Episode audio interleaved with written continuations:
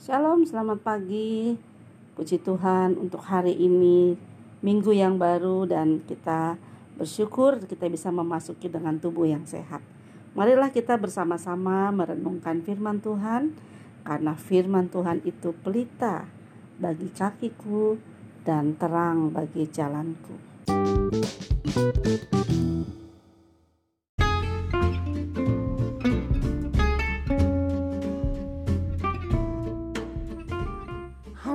Kita membahas kembali dan melanjutkan pembahasan kita dari kitab Wahyu.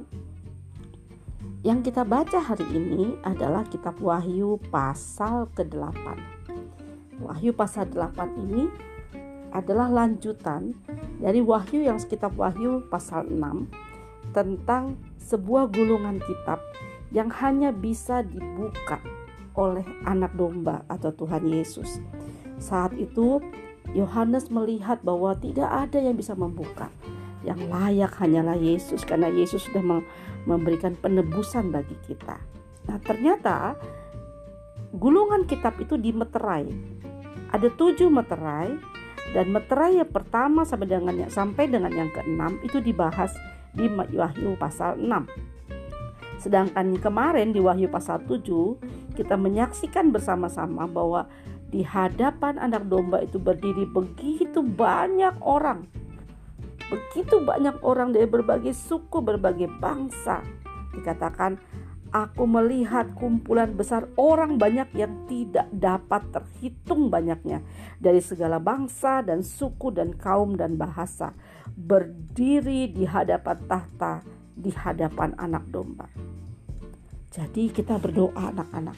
Misrahel berdoa bahwa Misrahel dan seluruh keluarga, anak-anak yang mendengarkan ini dan seluruh keluarga, siswa-siswi SD Kristen Cahaya Bangsa dan seluruh keluarga, anak-anak siswa-siswi TK Happy Holy Kid dan seluruh keluarga, kita bersama-sama dari berbagai suku dan bangsa, kita bisa berdiri di hadapan anak domba. Kita memakai baju putih dan kita bisa berseru bersama-sama keselamatan dari Allah yang duduk di atas tahta dan bagi anak domba. Itu betul-betul luar biasa. Luar biasa.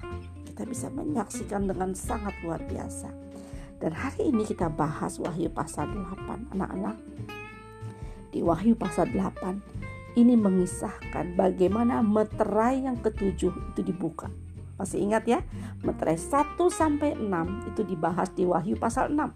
Dan hari ini kita akan lihat Wahyu pasal 8 berbicara soal apa yang terjadi ketika meterai ketujuh dibuka. Ternyata ketika dibuka meterai yang ketujuh, sorga sunyi senyap. Kenapa ya? Bisa juga nggak ngerti kenapa tuh. Tapi yang pasti ada tujuh malaikat berdiri di hadapan Allah dan memegang sangkakala. Sangkakala tuh kayak alat peniup biasa zaman Israel dulu tuh di, sebagai penanda peperangan ya dan ternyata sebelum sangkakala ditiup sangkakala sangkakala itu anak-anak itu ber, berisi banyak malapetaka yang akan terjadi di bumi ini menjelang hari kedatangan Tuhan.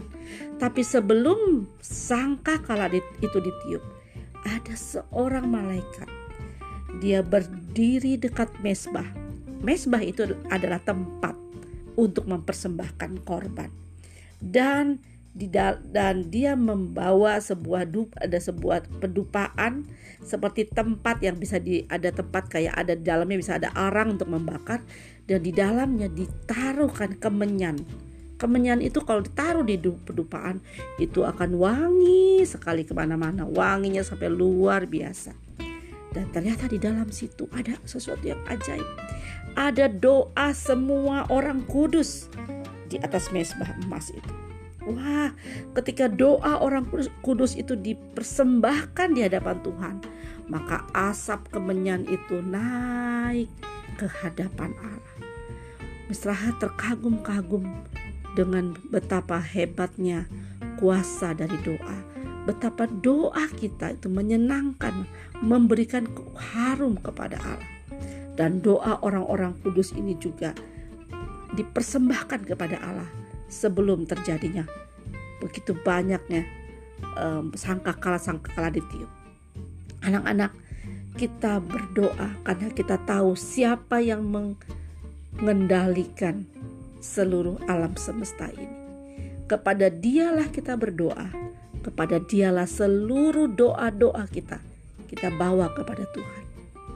Janganlah pernah berhenti berdoa. Dalam 1 Petrus pasal 4 ayat yang ketujuh dikatakan, kesudahan segala sesuatu sudah dekat.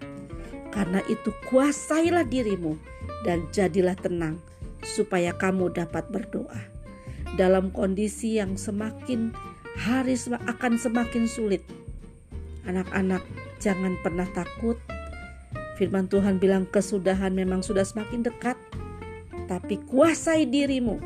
Jangan terjatuh, jangan lari dengan kekhawatiran, jangan hidup dengan kekhawatiran, jangan lari kepada dukun, jangan lari kepada orang-orang pintar, jangan lari kepada uh, perbudakan perbudakan-perbudakan mungkin itu perbudakan handphone, perbudakan games, perbudakan yang lain.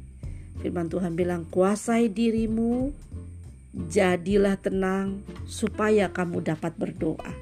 Ternyata doa-doa kita digambarkan hari ini itu seperti sesuatu yang wangi di hadapan Tuhan.